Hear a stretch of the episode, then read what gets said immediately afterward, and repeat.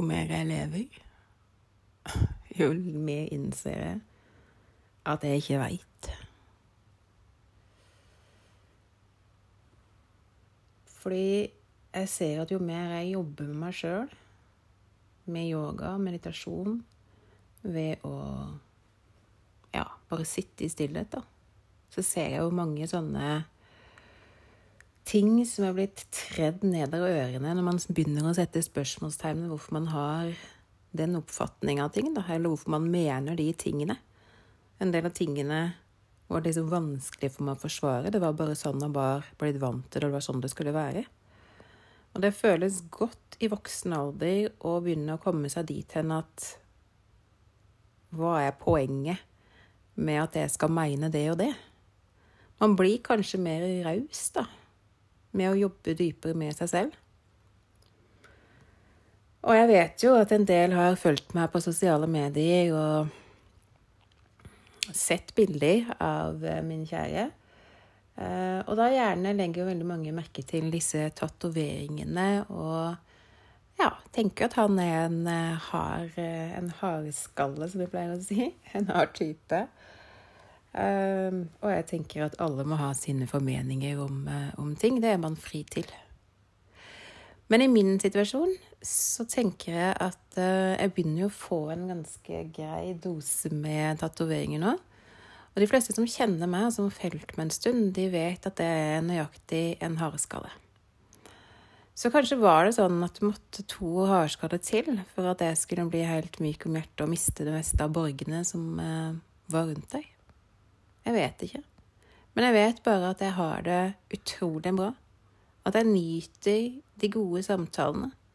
At jeg nyter de utfordringene som kommer. For jeg blir utfordra, og jeg syns det er deilig. Og jeg syns det er godt å kunne ha den kommunikasjonen. Og sist, men ikke minst, så syns jeg det er fantastisk å kunne ha den gode sexen og varmen og kjærligheten. Og det er akkurat det denne episoden her skal handle om. Det hverdagsutfordringene, da. Iallfall for meg, og som jeg vet er for en god del andre mennesker. Med det der at hverdagen går opp og ned, og alle de tankene man har, og alt det tabu man har, og i det hele tatt. Så midt oppi alt dette kaoset med smerter og familie og alt mulig, så så bør det også i et samliv være plass til sex. Hvordan, eh, hvordan løser man det? Eller hvordan løser vi det? OK, jeg skal by deg på litt igjen. Å lage denne episoden her har ikke bare vært enkelt, fordi jeg, jeg fikk noen tanker rundt det eh, når denne diskusjonen, eller samtalen, kom opp, da. Så tenkte jeg er det noe å snakke om? Men jeg, altså Jeg er jo veldig for at jeg skal være åpen om alt, ha minst mulig tabu i det hele tatt. Men for å komme til alt hva dette bunner og dreier seg om, da, så er det egentlig to veier litt inn. Og da tenker jeg for at jeg skal klare å holde tunga rett i munnen, så må jeg bare holde meg på én og én sti. Så denne episoden tror jeg vi, vi legger liksom til kroniske smerter, da. Eller det med å være kronisk syk. Egentlig et jæsla spesielt ord. Kronisk, kronisk, langvarig her og langvarig der. Og faen vet de om det? Altså, vi vet her og nå. Nå er det liksom litt sånn pyton. Og det ble det kanskje i går òg. Kanskje blir det de neste 14 dagene òg, hvem vet? Men det altså her og nå, det, liksom, det vet vi 100% nå, nå har vi peil på hvordan det kjennes ut nå. Men iallfall, oss som har en hverdag hvor vi ikke alltid kan planlegge, da. Hvor det plutselig kommer masse smerter, og hvor vi har kanskje måttet ta hensyn til det mange, mange år av livet vårt. Eller kanskje har du vært frisk hele livet ditt, og plutselig har du måttet ta hensyn til masse smerter. Så nå har jeg hatt mye smerte siden artritt, men jeg kan kanskje tenke meg at andre veien er det kanskje vel så ille, holdt jeg på å si. Men anyway Dette er jo utfordringer som kommer med det å ha en Altså, hva kalles det? Uvariabel hverdag? Variabel hverdag.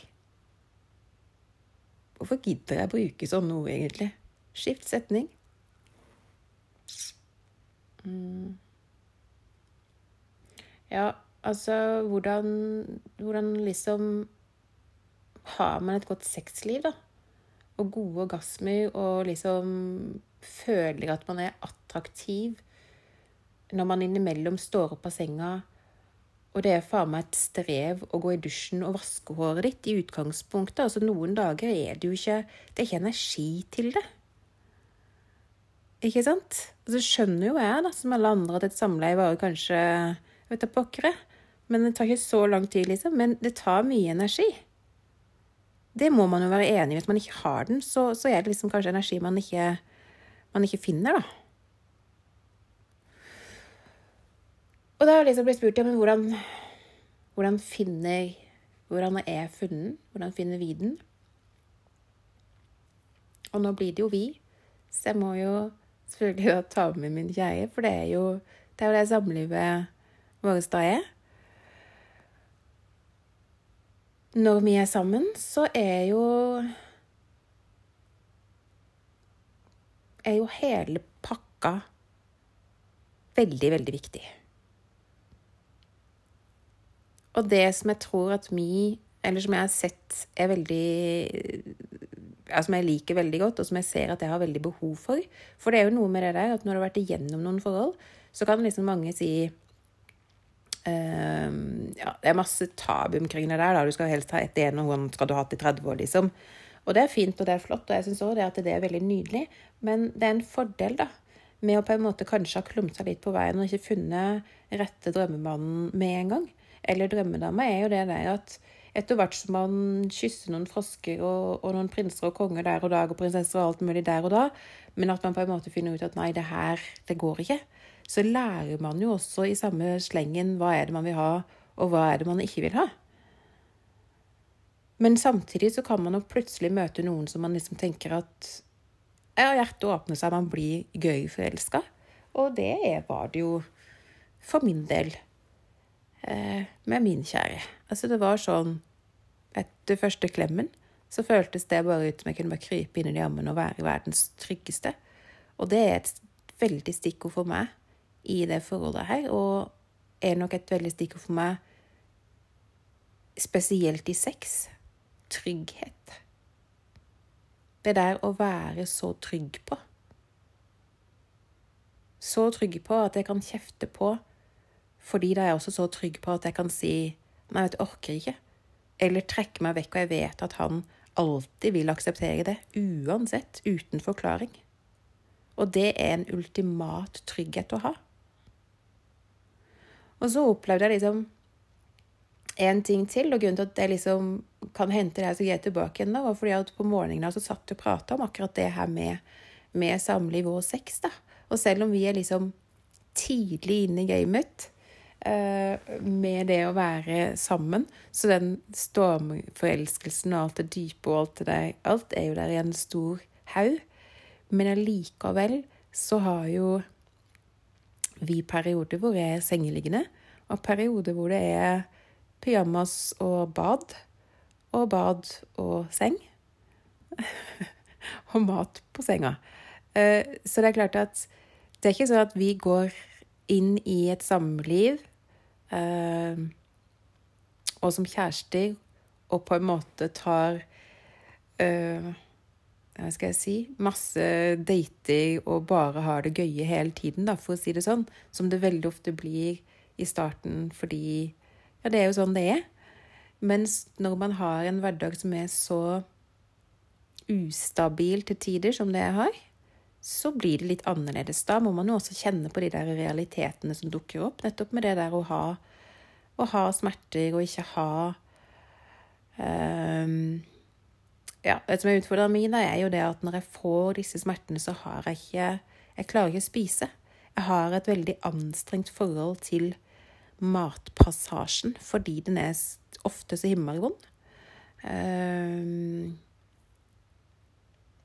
det innebærer jo at når jeg da får sånne liggedøgn, at jeg blir veldig tynn. Og når jeg blir så tynn, så blir jeg også veldig utmatta for um, for energi, rett og slett. Jeg blir ja, tom. Og da er det jo Da er det bare rom for å være med, da. Så det jeg prøver å si, er at Vi har en sånn virkelig um, Vi har en hverdag i den førstegangs eh, nydelige, gode kjærligheten også. Så det er ikke liksom bare rosa elefanter, holdt jeg på å si. Det er ikke bare rosa sommerfugler og, og sånn man opplever da, når man har det sånn i tillegg. Så den realitetssjekken den kommer kanskje veldig kjapt for oss som eh, som er såkalt kronisk syke, da, og som kjenner på den eh, ja, usikre hverdagen som det ofte kan være. Og som fører med seg igjen mye tabu. Uh, fordi det er jo sånn at når du da uh, blir sjuk, kanskje blir du ufør, så, så, er det jo veldig mange rundt som har en mening om ting. ikke sant? Det er jo, Fortsatt så står det jo veldig godt igjen det der med at da, da går du jo på Nav, og da er du jo ja, er du virkelig så syk som det, som det du gir deg ut for? Um, og kanskje da generelt, hvis du er en sånn person som er som viser jo hverdagen min inne på Snap og sånn, men har jeg lyst til å jeg har også lyst til å vise hverdagen min når jeg har det bra, og ikke bare når jeg liksom ligger i senga. For det blir jo veldig veldig kjedelig, selv om jeg ser at jeg har veldig mange snapper og samtaler fra seng. Fordi det er jo det som er, som er mye av hverdagen min, da. Å på en måte balansere balansere aktivitet og hvile for mitt nervesystem, sånn som ting er. Eh, og det blir jo mye tabu da, når andre skal synse og mene og i det hele tatt. Og det tror jeg ofte at vi jenter kanskje bærer mye av, og som kanskje menn er litt flinkere til å skru av bryteren, da. Og jeg har iallfall gått igjennom veldig mye tabu på det der med sex. Først fordi kanskje at jeg ble jo utsatt for overgrep veldig tidlig, i mange, mange år. Um, og det er klart, da blir man ukritisk en god periode etterpå, for veldig mange. Mens noen velger helt å avstå fra sex, mens andre blir ganske ukritiske. Uh, ser ikke sin egen verdi, osv., osv. Og da er det liksom når du kommer da i en alder hvor du skal begynne å utforske din egen verdi, når du skal begynne å bli kjent med deg selv, det der å tørre å ta på din egen kropp og finne ut hva det egentlig jeg liker, hvordan jeg egentlig vil ha det, uten å måtte fake for noen andre. For jeg skal innrømme, først ut å innrømme at jeg har faka mye sex. Oh my fucking god, oh yeah. Fordi jeg har egentlig ikke vært så interessert mange ganger. Det har jo vært et kort som jeg har på en måte spilt mange hestene mine på. Det har vært et kort jeg har visst hvordan jeg skal bruke. Og så høres du her ganske kynisk ut, men noen ting som du er vant til å gjøre, det blir du bare forbanna god på. Og det ja, Nå vet jeg at jeg er veldig ærlig her, altså, men eh, det jeg egentlig mener å si, er at hvis man i tillegg da nyter, altså finner tilbake til den derre For det har ikke vært en enkel prosess å finne tilbake igjen til den seksualiteten som jeg på en måte vil ha, da, uten å skamme. Fordi jeg må innrømme at jeg er en kvinne nå som er veldig glad i sex. Jeg nyter sex. Jeg nyter kos med meg selv, jeg nyter kos med partneren min.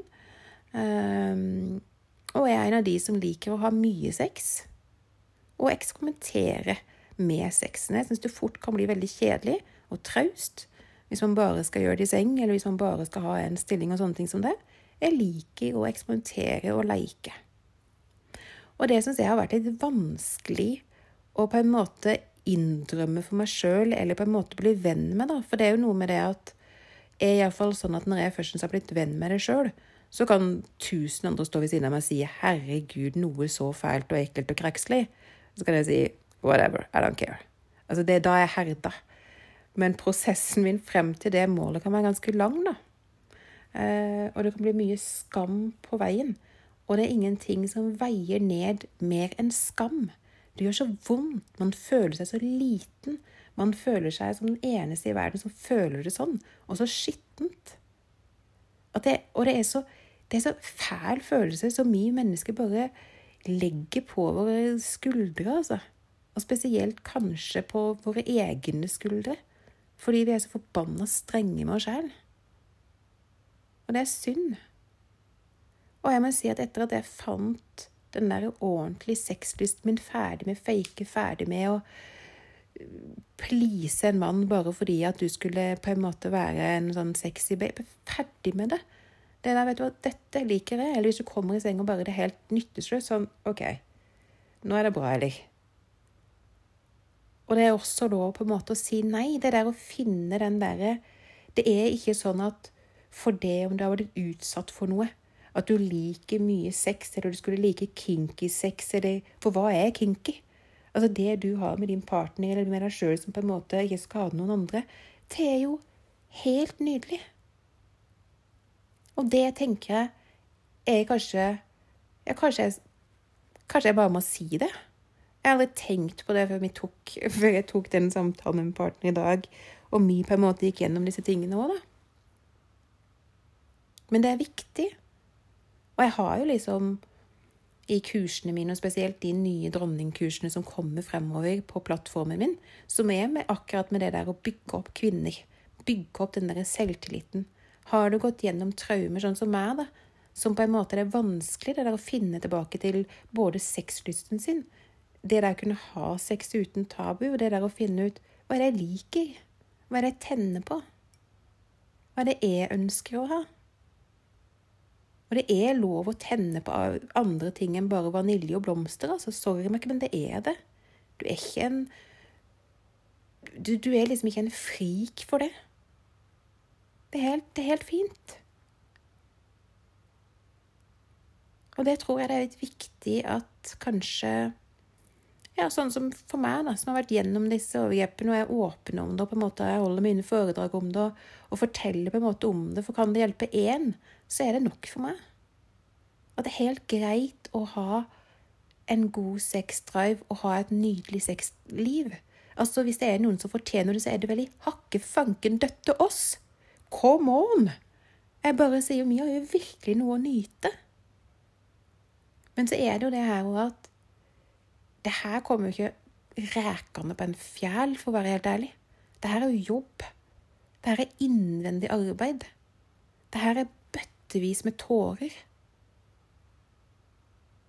Og en forståelse av at man ikke kunne gjøre noe der og da som barn. At man var et barn.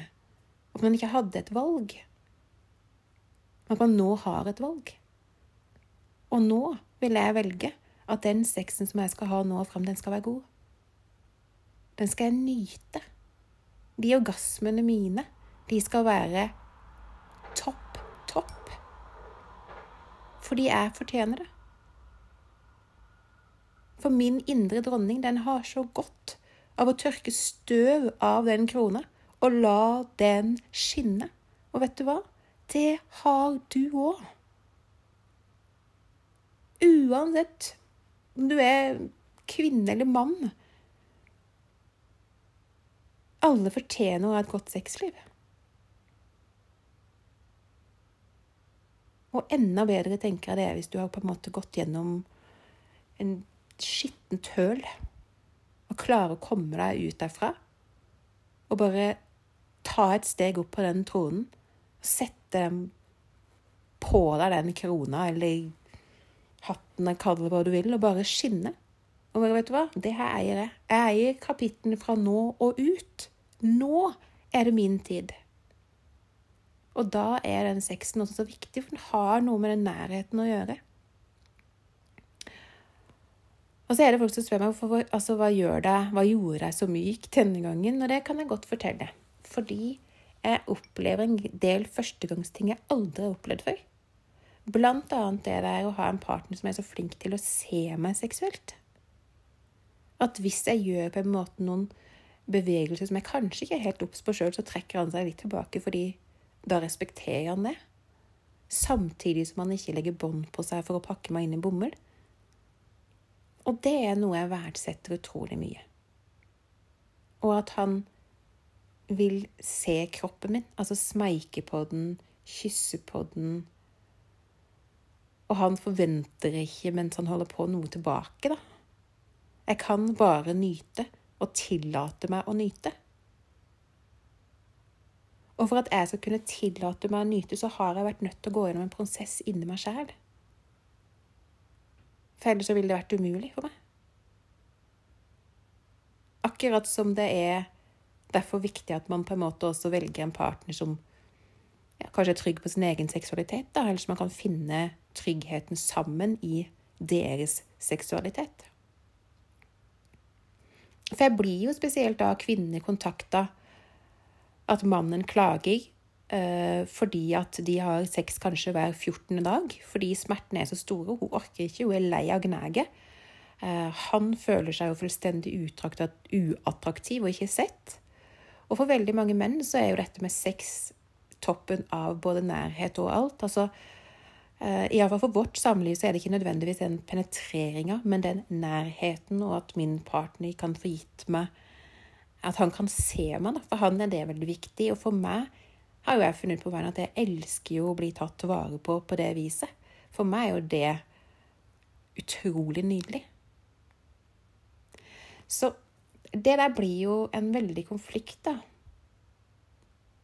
Og det er jo ikke før man på en måte klarer å komme seg over den smerte, verste smertehelvete, for å være helt ærlig, unnskyld uttrykket, at man liksom føler at oi, nå må jeg bare komme meg opp litt. Og så har man da kanskje en mann som kanskje ikke har vært så flink til å se huset, hvis man liksom er i et forhold hvor man bor sammen. Og så nei, da må jeg bare gjøre huset først. Og da blir sex veldig i andre rekke. Så her tror jeg det er superviktig å ha en god kommunikasjon. At det med selve sexen, ja, det skjer kanskje de fleste gangene på soverommet, hvis det er sånn, da. Men veldig mye av det skjer jo for kvinner utenom det. Hvordan jeg blir behandla av min kjære når vi er på butikken, at han holder rundt meg, hvordan han snakker om meg, at han tar frem støvsugeren når han ser at det er noe han setter på altså Alle disse tingene her, det påvirker jo også til å ha et nydelig sexliv. Og det tror jeg det er veldig viktig at flere menn forstår at det å ha et godt sexliv, det starter ikke nødvendigvis når man penetrerer eller koser eller kliner eller uh, fingrer eller slikker eller altså Det kan for kvinner starte så veldig mange sted, andre steder, da. Jeg blir utrolig kåt når min kjære, hvis jeg står og vasker opp, kommer og kysser meg i nakken. Og det kan bare vare det. Og det trenger ikke på en måte være så mye seksuelt med det, men det tenner noe i meg. At han ser meg. At han kommer hen til meg og kysser meg. Så alle disse tingene er jo selvfølgelig viktige og en god, en god pådriver til å ha et godt sexliv, syns jeg, da. Og det kan jeg jo si at sånn er det jo sikkert kanskje litt enklere for menn, har jeg hørt når jeg prater med kompiser og andre, at de har nok ikke behov for det samme mentalt stimulien Eh, for å bli kåte som det kvinner har. Og så er det kanskje på tide for kvinner å få lov å være litt rampete, syns jeg. Å få lov å innrømme det at det er helt greit å være litt rampete. Det er helt greit hvis du ønsker å ta litt kontroll, og det er helt greit å være litt småskitten pike. Altså, det tilhører ikke bare pornoindustrien, for det var også en sånn ting som jeg Altså, jeg må, være, jeg må innrømme at jeg er en av de som godt syns at det kan være ok å se litt porno innimellom. Jeg. jeg tror nok ikke jeg syns det hadde vært like ok hvis min kjære hadde måttet bruke porno hver gang vi skulle ha sex. Det hadde kanskje ikke vært noe. Men at vi kan gjøre det sammen, yes, yes. At vi kan se innimellom, yes, yes. At jeg kan se innimellom, oi, oi, oi. Men det betyr ikke at jeg trenger å gjøre det hver dag eller 14 ganger i måneden. Eller, altså, det har jeg ikke noe telling på, ikke har noe interesse av det heller. Men det har også vært en sånn tabugreie for meg. For det er jo liksom leser sexologer og alt mye. Porno, da tror alle at det er sånn det skal være med store silikonpupper. Ja, du gjør kanskje det hvis du er 16-25 år, kanskje litt eldre. Men jeg blir 43. Altså Jeg skjønner at ikke det er sånn. Og det finnes mange forskjellige filmer der inne, liksom, så det er jo litt hva du velger å se på. Det velger man jo helt selv ifra øverste hylle, holdt jeg på å si eller om man har erotiske noveller. Jeg syns jo også det er utrolig opprissende innimellom. Men det er ikke det som er saken. Saken er bare at jeg tror vi må få vekk mye av det tabugreiene våre. Og i Norge syns jeg at vi er litt stive. Jeg har vært vant til mine unger at han vil prate om alt om sex i det hele tatt. Det er ikke det at jeg bretter ut mitt sexliv for mine barn, misforstår meg rett. Men har de hatt spørsmål om sex, så selvfølgelig skal de kunne spørre meg om det. Hvorfor skal de ikke det? Og da syns jeg det er rart om min datter kommer hjem fra skolen og går på ungdomsskolen og sier det holder på å le seg i hjel. Ja, læreren var jo bare dritflau, da. Det var så vidt de turte å prate om sex og samliv. Altså, hva er det vi holder på med? Det mest naturligste ting. Ja, da er det jo ikke liksom rart at det blir en skam. Og så er det jo det der at hvis vi prater om sex naturlig, og hvordan sex skal være mellom to stykker, så når det jo også mer ut til andre at OK, når man da kanskje blir utsatt for noe, hva det måtte være, så er det kanskje Da vet man hva man kan prate om, da. Og hva man bør åpne opp om. Så jeg tror at Eller tror Jeg har egentlig Når jeg bare fant plassen min og landa, så er det sånn Nå er jeg utrolig glad for at jeg har en god, at god sexlyst, da. Og jeg er jo kanskje ekstra heldig med tanke på at er på en måte vipegrønt medisinsk. Eh, for det er jo klart at en av bivirkningene på, eh, på grønt er nettopp økt sexlyst. Og det var jo en av de tingene som, som smertelegen sa til meg på smerteklinikken i Kjøben. At eh, det er jo en av de tingene som redder veldig mange forhold. For det er jo ikke til å stikke under stol at uten intimitet og varme og den kjærligheten som man kjenner når man bare smelter inntil hverandre, om det bare er å ligge inntil, eller om det er å kline, eller om det er å småflørte og rote litt Altså, det er egentlig helt likegyldig, men bare den der å, å kjenne varmen til hverandre, da, og være nær. Og den er det lett å miste når man har mye smerter, fordi man har så mer enn nok med sitt eget univers. Man har så mer enn nok med det man holder på med. Det som rir gjennom kroppen. Det er så vondt. Og når man endelig kommer opp igjen fra det, så er det så mye som på en måte har stått på vent og bare venta, som da skal gjøres. Når du har gjort det, så er det faen meg ikke gående igjen. Det er jo hverdagen til veldig mange. Og da tenker jeg at da må vi iallfall tørre å prate om det. Hvordan kan man få det bedre? Og hvis du har gått gjennom noe som gjør at du har funnet tilbake til deg selv, så går nå for all del ikke å skamme deg fordi at du har det godt med partneren din eller med deg selv. For skam, det tror jeg er den største drittgreia vi har. Det veier så forbanna mye, og det tynger så ned et menneske, og man tror man er aleine i hele verden om noe som kanskje er normalt for veldig, veldig mange. Fordi når vi begynner å snakke sammen, så begynner vi å innse at verden for det første er ganske liten, og for det andre at vi mennesker ikke er så veldig annerledes enn hverandre, uansett sosial status osv. Vi er bare fucka mennesker alle sammen, uten bruksanvisning. Så den skammen den må man prøve å legge til sides. Og det er en av de tingene jeg brenner for å prate om, er nettopp dette med seksualitet. For etter at jeg fant meg sjøl Eller etter at jeg egentlig ble sammen med min partner, så blei Har jeg hatt noen helt fantastiske orgasmer. Og det er nok fordi jeg har truffet en mann som kan Altså som ser meg på en helt spesiell måte. Og nå vet jeg at det nok sitter en god del mennesker som tenker ja, er det nødvendig å dele det? Nei, men i Herrens navn, er det så er det så gærent å dele det? Klarer vi ikke liksom som voksne mennesker å fortelle at, om orgasmer? Altså, skal, er, det, er det skithemmelig? Som ikke ungdommen på en måte går rundt og vet hva en orgasme er? Det er jo ikke ordet eller følelsen av en orgasme som på en måte Det er jo ikke noe hemmelig med det. Det er jo ikke noe skittent med det. Det å få en orgasme er jo en utrolig nydelig utløsning. Man føler seg jo som et helt nytt menneske. Og sover man egentlig bedre enn etter en sykt god orgasme? Mm, nei. Jeg vil jo påstå man ikke gjør det. Men som sagt, for å få et godt sexliv, og for å få et trygt sexliv, så tror jeg den kommunikasjonen er number one. Uansett om man har en fast partner, eller om man har en som man møte hver 14. dag, hva det måtte være. Jeg tror den kommunikasjonen er alfa og omega. Og at man gir hverandre rom til å prate sammen. Heldigvis er jeg en som setter pris på de små tingene.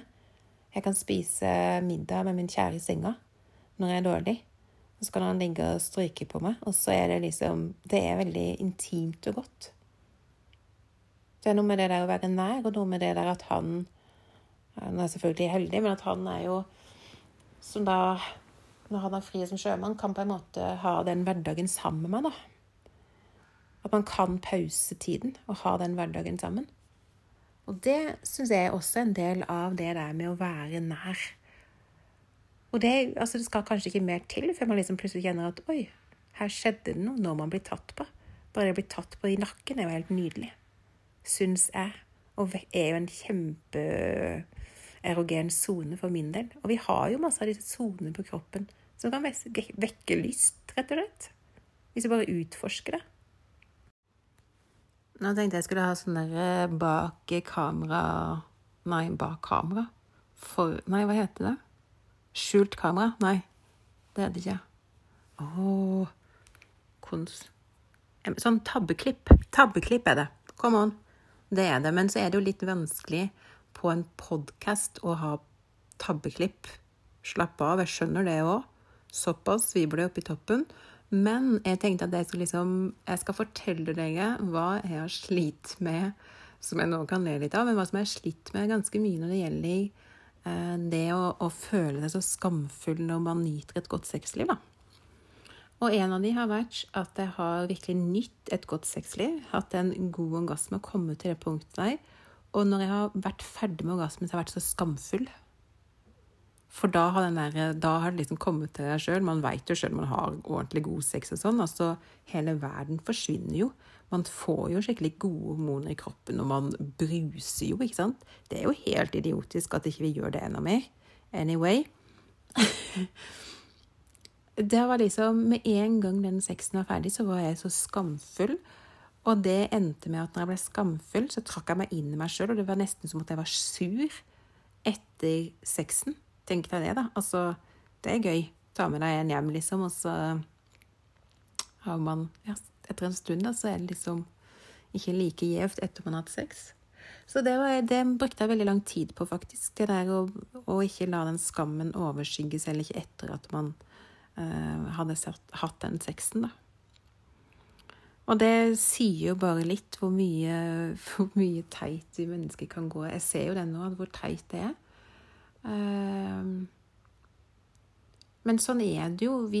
Iallfall hvis man er litt sånn overanalytisk, sånn som jeg, eller overtenker, ehm, så kommer veldig mye sånne ting frem. Så det har jeg liksom måttet jobbe faktisk med, og det, nå går det mye, mye bedre. Nå er jeg liksom trygg på det der å ja, nyte. Jeg er kommet til det steget i livet at jeg elsker å nyte. Uh, ikke bare sex, men livet generelt. Uh, jeg har gjort det altfor lite. Jeg har vært altfor streng med meg sjøl. Eh, og ja, vi trenger lover og regler, men vi trenger ikke å dra så mange av de nedover vårt eget hue for hvordan vi skal leve vårt eget liv, og ikke det går ut over noen andre hele tiden. Det kan vi bare slutte med. Også når det gjelder på den sexfronten. Det å vite at du kan få gode orgasmer både klitorismessig, for noen jenter får ikke vaginalt. Og så kan man jo trene på det, men altså hvis ikke du får det vaginalt, er det viktig at man også informerer en partner om at da vil man jo gjerne kanskje ha en klitorisorgasme, eller iallfall kjenne den kosen i løpet av, eh, den tiden man har sex, da. Og det der å bare kjenne på hverandre det der å bare hente olje og bare smøre hverandre inn og kjenne på kroppene til hverandre, være litt nær, touche litt inntil, er jo bare helt nydelig. Men igjen, det må være den overskudden til det. Og da må det også være en partner som er der og kan se mer enn deg i senga, iallfall for min del. Jeg tenner mer enn bare på det som skjer på soverommet. Så den kommunikasjonen og det å ønske å komme seg dit, Ehm, det har vært en stor prosess. Og så ser jeg jo det at eh, jeg fikk barn veldig tidlig. Det gjør jo at jeg nå i en alder hvor, som jeg har store barn, og for første gang i livet mitt på en måte bor uten barn i huset, da. Og det er en sorg, men sexmessig halleluja! Altså, det er digg. Du har jo muligheten til å utfolde deg på et helt annet vis. Altså, såpass ærlig må en være. Og det er nydelig. Og selvfølgelig mye enklere enn når det kommer inn snørrete unger midt på natta og ødelegger litt av stemninga. Jeg skal ikke altså, misforstå meg rett. Jeg skjønner den der. Da er jo Kvikkis og alle andre muligheter for å levere litt i barnehagen eh, og hente en halvtime etter man kommer hjem fra jobb hvis det er nødvendig, veldig viktig. Men jeg ser også at jeg har kommet til et privilegium med å kunne nyte god sex. Ikke tenke på lyd kunne slappe helt av, slippe alle hemninger, det, det, er godt, altså. Det er veldig, veldig godt. Og jeg tenker at det er verdt å reise bort innimellom og ha date, bare for å liksom kjenne det der. For det er klart at det er ikke så veldig lett å ha, å ha god sex og nyte god sex med å prøve å være liksom stille og, og alt på en gang. Vi veit jo hvor klønete man blir når man skal prøve å være stille. Det er jo som elefanten på glassmagasinet, liksom. så jeg innser så for dere som sitter og tenker bare ja, det er forbanna lett for å si, liksom. Nå som uh, unger der er flytta ut allerede. I feel you, I feel you, sister. Uh, men jeg har oppført tre barn og mange år vært alenemamma. Uh, og det er en grunn for at jeg er kommet hit jeg er nå, er jo nettopp fordi jeg har jobba mye med det. Og, og, jeg må innrømme at i veldig mange år så syns jeg det var mye bedre for meg og min kropp å bare onanere. Rett og slett bli kjent med massasjestaver og uh, ja, buttplugger og de tingene man ønska å utforske. Det hadde jeg så behov for å gjøre fred og ro inne på mitt soverom i mine vante omgivelser uten noen andre. At det har jeg også faktisk brukt ganske mye tid på, og er et hot tips fra meg hvis du er på en måte der at du ikke helt veit hva du liker. For det er jo det, iallfall for min del. Det var noen som bare 'Dette skal du like', og bare putta det nedover huet på det. Og så var det jo Det var jo ikke sånn. Det var jo noe helt annet, og det skulle jeg på en måte finne ut sjøl, da. Så det Det føles godt. Og så håper jeg at jeg har klart å formidle noe som ikke bare er fy og pyton, da, som jeg har følt mye opp igjennom. Men nå jeg brenner veldig for å fortelle spesielt kvinner med mye skam rundt det med seksualitet, at uh, seksualitet er noe som er Det er utrolig vakkert. Og det, det er jo Det står jo tillitserklæringa eh, mellom to mennesker. Det skal det iallfall være. Og hvis man ikke føler at det er det, man føler at sexen på en måte, eller den andre parten på en måte ikke er til stede, så Unnskyld at jeg sier om det, men sier det, men, men enten finn noe annet, eller altså, snakk om det selvfølgelig først. Og hvis det er null gehør for det, fortsetter. Vet du hva, dronning? Jeg beklager å måtte si det, men gå og finn deg noe annet. Fordi du fortjener å ha det bra. Og han fortjener å ha det bra. Og hvis dere snakker sammen, og det er liksom null, null respons, og du gjør det et par ganger, og det er fortsatt null respons, så er mitt sterke råd i dagen Og nå er jeg ingen sånn psykolog. Jeg er jo jeg var jo yogaterapeut, men anyway, mitt hotte råd i dagen er da ville jeg gjort noe annet. For det å ha noen som man kan være trygg sammen med, og at man skal føle at man blir hørt og i det hele tatt, det er like viktig på veien til å ha et godt sexliv. For jeg tror ikke den starter bare med at når man begynner å på forspill eller begynner å fingre eller begynner å kose. Det er ikke der det starter for min del, og sånn tror jeg det er for veldig, veldig mange kvinner. Og det um, Det er jeg åpen på, og det jeg veldig mange kvinner er åpen på. Og så er det også lov for oss å si hva vi vil ha. Det er liksom ikke sånn at vi liksom skal være sånn små uskyldige piker lenger. Det er um, Jeg håper jeg sa piker nå. Ja. Um, den, altså, noen liker det, Misforstår meg rett, men vi må ha mangfoldet. Vi må tørre å prate om mangfoldet. Jeg er litt sånn rampete yogaterapeut som det, er, så liker du å utforske, og da er det helt greit. For det er greit å prate om det. For det er greit å ikke ha noe skam rundt det. Så er det ikke det at jeg skal dele all verdens fra mitt sexliv. Det er ikke det det dreier seg om. Men det det dreier seg om, er at å normalisere orgasmer, og gode orgasmer, dype orgasmer, hvor du virkelig, virkelig kjenner det. Hvor du får noe igjen for det kroppslig sett. For meg var det hilende opplevelser. For det er det det egentlig er. Det hiler så utrolig mye inni, inni sjela, da. Fordi vagina og området rundt der bærer også veldig masse følelser for oss. Strammer du resten av kroppen når du har liksom ting du går gjennom, så strammer du også muskler og ting nede i vagina, og det kan sette seg. Så det å myke det opp, og det å jobbe med det, og det å tørre å ta det i etapper, og ha og kjenne på seg selv, og det der å kanskje ha en partner som kjenner på seg Viktigste for meg var det der å kjenne på meg selv i starten. Uten skam. Å kjenne at det bygger seg opp. Og tørre å leike. Og tørre å kjenne. Det er veldig hilende.